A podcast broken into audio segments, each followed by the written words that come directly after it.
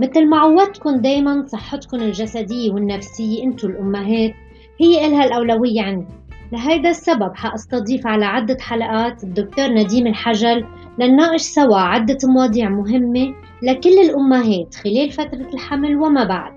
دكتور نديم طبيب توليد وجراحة نسائية مختص بطب وجراحة الجنين داخل الرحم متابعة الحمل المتعثر والتشخيص ما قبل الولادة. دكتور نديم عنده عدد من الإنجازات رح سمي الأهم منهم أشرف على ولادة ست توائم دفعة واحدة بمستشفى الروم 13 أدار 2018 أشرف أيضا على ولادة خمس توائم دفعة واحدة بخمسة أيار 2020 وأشرف على ولادة طفلين خلال لحظات انفجار مرفق بيروت بأربعة آب 2020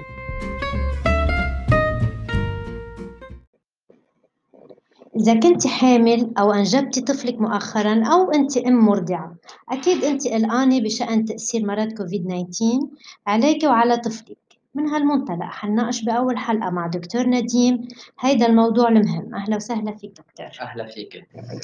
مثل ما هو معروف إنه الحامل هي أكثر عرضة من غيرها لالتقاط الفيروس هي مخلوق فراجيل. كيف بدها تتوقع من الكوفيد؟ آه، المرأة الحامل بدها تتوقع من الكوفيد 19 مثل ما حيلا شخص كمان بده يكون عم بيتوقع من الكوفيد 19 يعني الشيء اللي أثبت لهلأ آه، أكثر شيء فعاليته بالحماية من إنه نلقط هو آه، تفادي أنه نكون عم نكون مع حدا هو عرضة أو في احتمال أنه يكون لاقط وإذا بدنا نكون عم نعمل شيء مع حدا يعني عم نتواجه شخص وجه لوجه عم نجيب غرض عم مضطرين إنه نعمل شيء المرأة الحامل وغير الحامل اللي أثبت أكثر شيء فعاليته هو ارتداء الكمامة. so أكثر شيء هو ارتداء الكمامة الكمامة إذا كانت الكمامة اللي بنستعملها وبنكبها إنه ما نكون نستعملها كل الأسبوع أو يومين ثلاثة ورا بعضهم. so كل يوم بدنا نكون عم نغير الكمامة.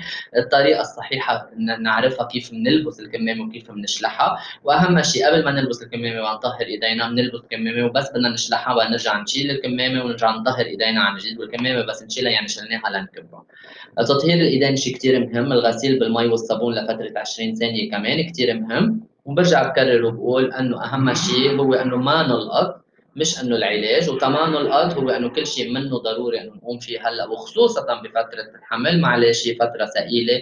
أكيد هي آه، شوي بتكون معصبة أو متضايقة أو عطلانة هم إنه يخلص حملها على خير إنه تقدر تولد وكل شيء كيف بهالظروف بس أهم شيء إنه تجرب إنه تقول إنه فترة وبدها تقطع وما تعمل قصص هلأ ما لها عايزة إنه تعملها لأنه بغلطة صغيرة ممكن تلقط وساعتها بنفوت بمشكله آه، كبيرة. ما سمح الله.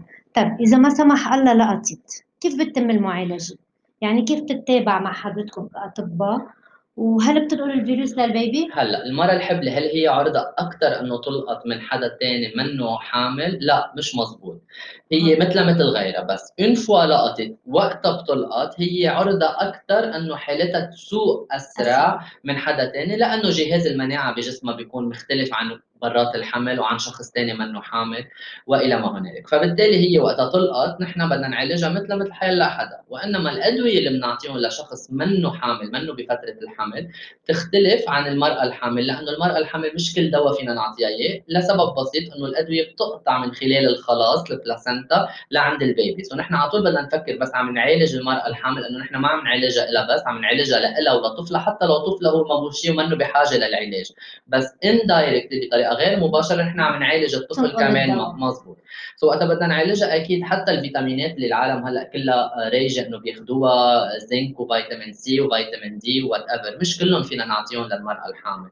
وإذا بدنا نعطيهم في دوزات معينة ممنوع نتخطاها لأنه بعدين بيصير هذا الشيء مضر للجنين وبينما بالأيام العادي فيها تكون عم تاخذها سو نحن بنعالجها بطريقة معينة. أكيد بنشوف شو بتكون عم تاخذ فيتامينات من قبل ما تلقط لأنه المرأة الحامل بطريقة غير مباشرة دغري الحكيم تبعولها بحطها على folic acid وفيتامين D وحديد وكالسيوم تلقائيا. هول القصص بتساعد المناعة.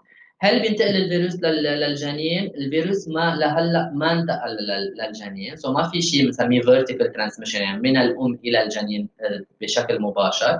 هل الكوفيد 19 إذا لقطته الأم الحامل بتخلي جنينها يخلق عنده آه، مناعة، عنده anticorps antibodies بصير في عنده مناعة هو لأنه أمه هي وحبلة فيه لقطت، في أولاد خلقوا كانوا إمياتهم عندهم الكوفيد 19 بالحبل طلع عندهم هن مناعة وفي أولاد خلقوا اماتهم كانوا لاقطين بس ما طلع عندهم مناعة. so بعد لهلا ما بنعرف على أي ليش في أولاد خلقوا عندهم مناعة وليش أولاد عندهم ما عندهم. دراسات بعد ما مزبوط. هل بينتقل بخلال ال ال ال الرضاعة عملية الرضاعة؟ لا ما بينتقل من خلال عملية الرضاعة. وبالتالي نحن بالأيام العادة آه مثل ما منظمة الصحة العالمية كمان بتشجع إنه نحن أول ما يخلق البيبي أهم فترة هي للأم. لصحة الأم النفسية والجسدية ولا لصحة حديث الولادة النفسية والجسدية كمان أنه يكون في هالعملية الالتحام هالعملية الترابط اللي بتبلش تنبنى من أول ثانية بيظهر فيها البيبي منها أنه نحن بنسميها skin to skin أنه نحط البيبي على على صدرها مش بس كرمال يرضع هلا هو أكيد في يبلش يرضع من أول ثواني بس هي فكرة أنه نحط skin to skin هي نفسيا وجسديا عم ترتاح ونحن بنشوفها وبنلمسها باللي لمس اليد الأم دغري بتكون يمكن موجوعة يمكن معصبة يمكن عم محرقصه يمكن اجيتي شوي بس تلمس ابنها بتنسى كل شيء وبيصير كل شيء تمام. هيدا الشيء بيخلي إنه يصير في عرضه أقل إنه تعمل شيء اسمه baby blues أو أو postpartum depression الاكتئاب ما بعد الولادة لأنه دغري حسسناها بابنها وهي لمسته حست إنه هي قادره حست إنه حالها إنه قادرة إنه هي تكون عم تحميه. والبيبي بحد ذاته كمان بس نحطه على صدر أمه بيسمع دقات قلبها بفكر إنه هو رجع قاعد جوات الرحم so بفكر إنه رجع على هال environnement على اللي هو safe هو آمن لإله مشان هيك قد ما يكون عم يبكي بس تحط الأم ابنها على صدرها بيسكت لأنه بحس حاله صار safe رجع على بيته اللي هو جوا.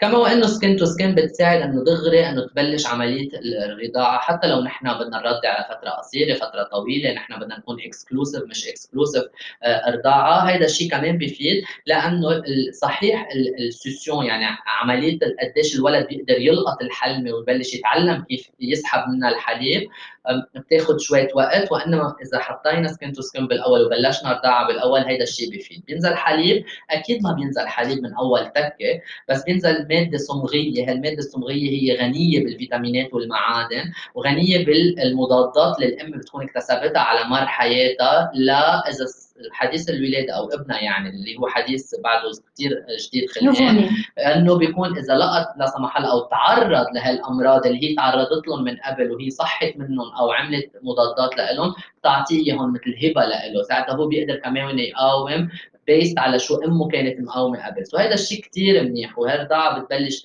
من هيدا التكه الأولى الثواني من بعد الولاده وهي ما فيها خطر بالكوفيد. ما فيها خطر بالكوفيد ابدا لأنه بس أكيد في قصص لازم نكون عم نعملها. يعني بس الأم بدها ترضع ابنها وهي لاقطة كوفيد 19 بدها على طول ترضع هي وحاطة الكمامة ممنوع تشيل الكمامة. مثل ما قلنا عملية ارتداء الكمامة بيسبقها الغسيل بالإيدين بالمي والصابون تطهير بال بال بال hand gel sanitizer نرجع نلبس ال mask الجديد نرجع بنطهر إيدينا عن جديد بننظف الحلمة بالمي والصابون مزبوط وبننشفها وساعتها بنرجع بنزقر البيبي وبنجيبه ليقدر يرضع. بس يخلص الرضاعه بنرده على التخت تبعوله بنرجع من بننظف الحلمة مزبوط بمي وصابون بترجع فيها تلبس ثيابها وبتشيل ترجع الكمامة آه، وبترجع بتغسل إيديها مي صابون وبترجع بتحط hand sanitizer أو hand gel على إيدها.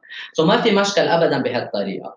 منظمة الصحة العالمية حذرت أنه خطر أكبر من أنه نرضع بوقت الكوفيد 19 هو عدم إرضاع الرضيع حتى لو الأم هي عندها كوفيد 19 يعني إذا الأم فصلناها أو قلنا ما رح تشوف ابنها وما رح ترضعه لأنه هي كوفيد 19 أخطر 100 مرة من أنه تلقطه وترضعه إذا حط ال mask whatever لأنه هي عدم الالتحام بين بعضهم والترابط الجسدي والعاطفي بيأثر على نفسيتها وعلى جسدها وبيأثر عليه هو وعلى كيفية بيقدر إنه ياخذ الحليب ويقدر يكبر ويقدر ينمى so نحن طالما اخذين ال measures يعني التوصيات ملتزمين فيها كيف بنلبس كيف بنشلح كيف بننظف وكيف بنرضع ما في أي مشكلة إنه نكون عم نرضع لو نحن لاقطين الكوفيد 19 هل بينتقل الكوفيد بالحليب؟ يعني هي ما لقطته اياها بالنفس أو بالإيدين لأنه لابسة كفوف أو حاطة كمامة وكل هول الاخبار هل بينتقل بالحليب؟ لا ما بينتقل بالحليب لأنه الكوفيد 19 ليوصل للصدر ويتخزن بالحليب بده يقطع كذا حاجز.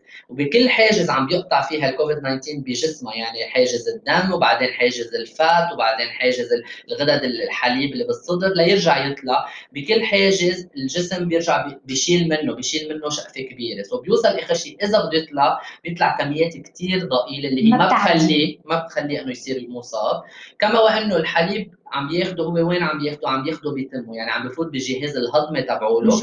الأسيد اللي بمعدته واللي ببطنه بيرجع بيقتل ما تبقى. مشان هيك هو ما بيوصل له شيء من الكوفيد 19 إذا أمه كانت مصابة.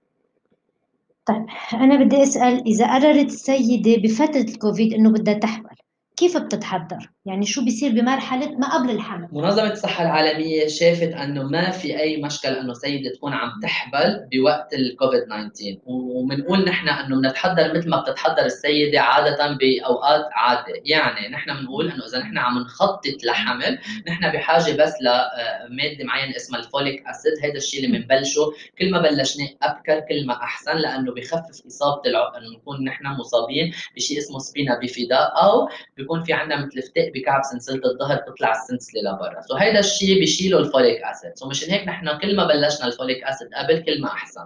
شو بيصير إذا السيدة حبلت وما كانت عم تاخذ folic acid بنبلشوا ساعتها بوقتها. مشان هيك السيده بس تتصل بحكيمها وتقول له أنا طلعت حامل. بقول لها على القليله بلشي تكنا شفنا بعضنا بلشي هال folic acid أو multivitamin في بقلبه folic acid هالقد مهم. هالقد مهم. so اذا سيده بوقت الكوفيد 19 بدها تحبل نحن بنعطيها هال folic acid لهالاسباب هل بحاجة لكميات أكثر من ال folic acid بوقت الكوفيد 19 لا بنضل على الكميات العادية أو ال dosage العادي اللي بنستعمله كل كل الاوقات وفيها تحبل عادي ما في أي مشكل. على آه، آه، بس إنه تكون حاطة براسها فكرة إنه نحن بدنا نتوقت بعد زيادة لأنه خطر اصابه الكوفيد 19 بال pregnancy تختلف بين سيدة وأخرى، يعني سيدة إذا لقطت الكوفيد 19 بالحبل ما راح يطلع البيبي عنده تشوهات خلقية، ما راح يطلع البيبي عنده إيد ناقصة أو عين ما بتسوى أو قلب أو شريان بالقلب مش مزبوط أو فخذ بالقلب أو المصارين ال intestins بيطلعوا لبرا، ما راح يصير هذا الشيء، وإنما إذا لقطت الأم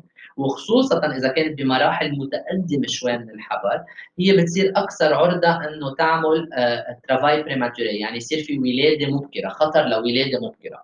والخطر الولادة المبكرة إذا صارت وتمت هالولادة المبكرة بنحط الجنين بخطر إنه يفوت على الآلة الحاضنة على ال couveuse et cetera وهو بيصير معرض إنه يلقط الأمراض أو يلقط ال infectionات أو يصير عنده المخاطر اللي حيلا ولد بالعالم إذا خلق بطريقة مبكرة أو بوقت مبكر وفات على ال couveuse ممكن يتعرض. يعني بتكون مناعته ضعيفه فمشان هيك الكوفيد 19 ممكن يؤدي إلى ولاده المبكرة، الولاده المبكرة بتؤدي إنه يفوت على ال couveuse، ال couveuse بتعرضه لقصص اللي بيتعرضوا لها. حتى الولد اللي خلقان بكير لأنه مية الراس فقشت عند أمه مثلا على بكير، مش لأنه كوفيد، بس الكوفيد بحد ذاته ما بيعمل تشوهات، so هي بكفي تاخذ folic acid بالحبل قبل الحبل قد ما بدنا. آه، كل ما أخذنا لشهور قبل كل ما أحسن. وإذا ما كانت عم تاخذ وعرفت حالها حامل ما في أي مشكل.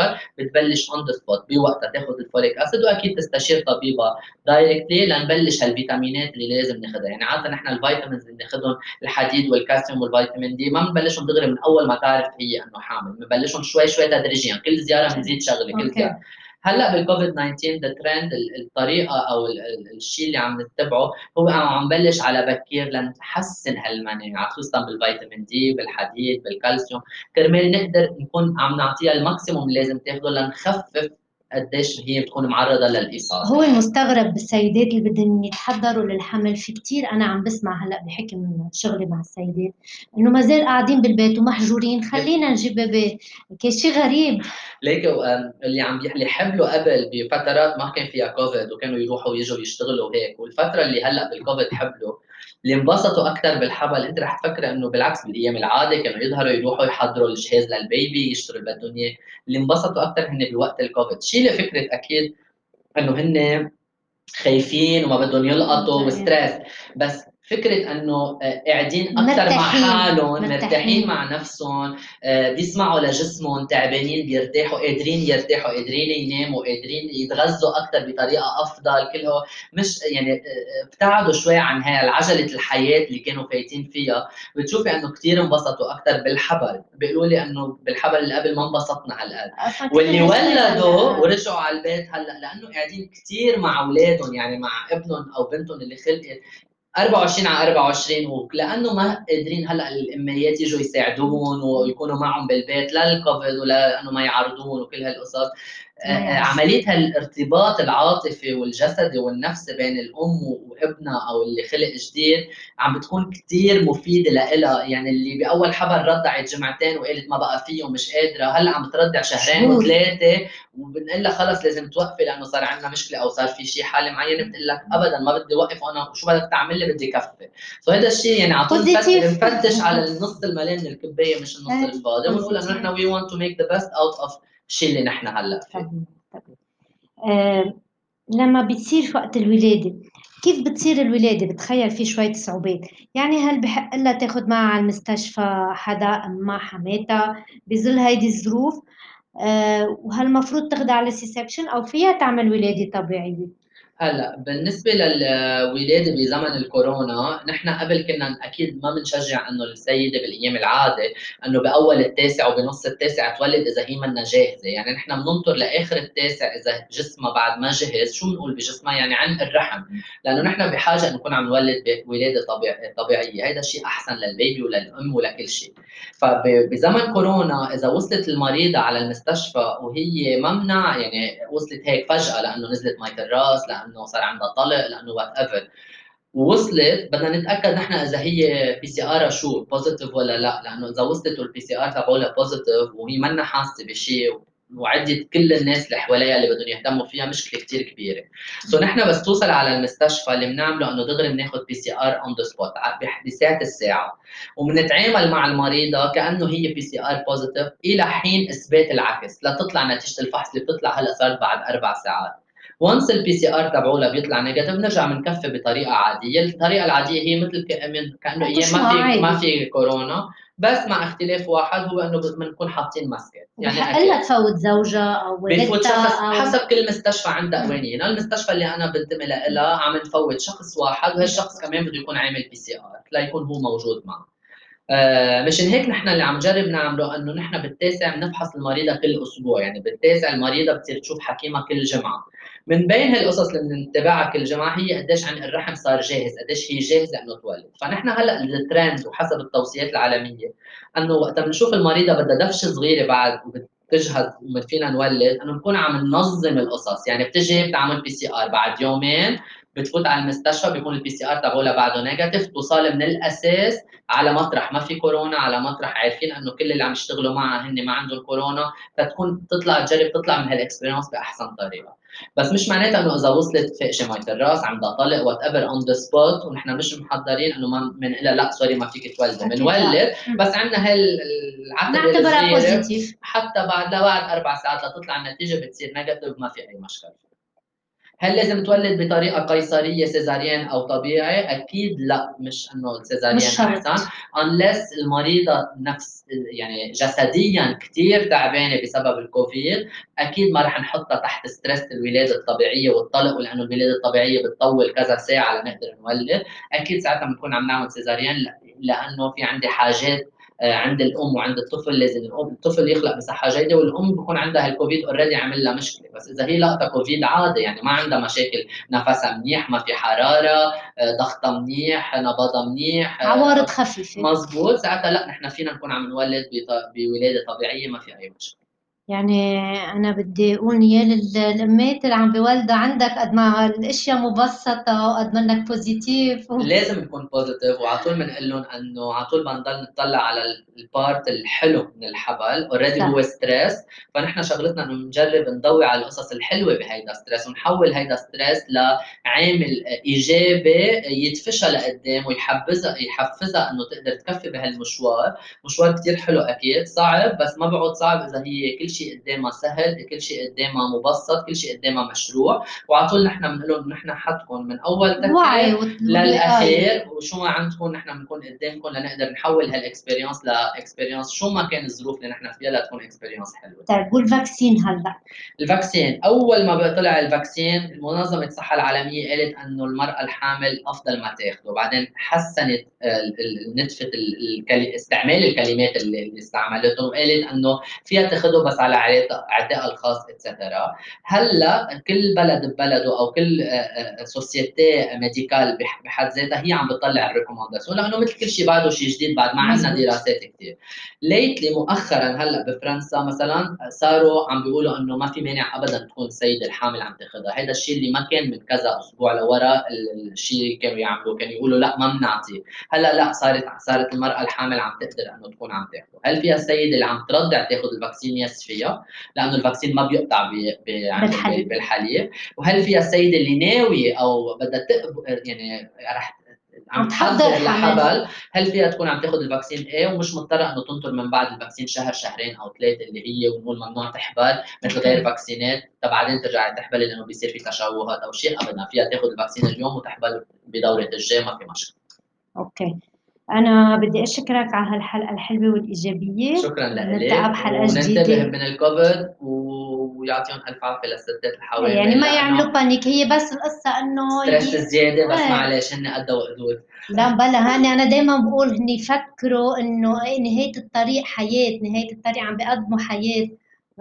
فالأم بتبلش تضحيتها مش بس تولد بتبلش تضحيتها. هلأ من الحمل وهيدا أكبر مثال هلأ الكورونا اللي من الحمل. ميرسي دكتور. ميرسي لك.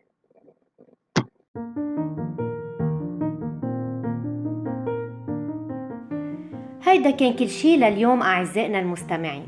نتمنى تكونوا استفدتوا وكون قدرت توصلكم من خلال هيدي الحلقة أكبر قدر من المعلومات يلي بتهمكم كنساء حوامل.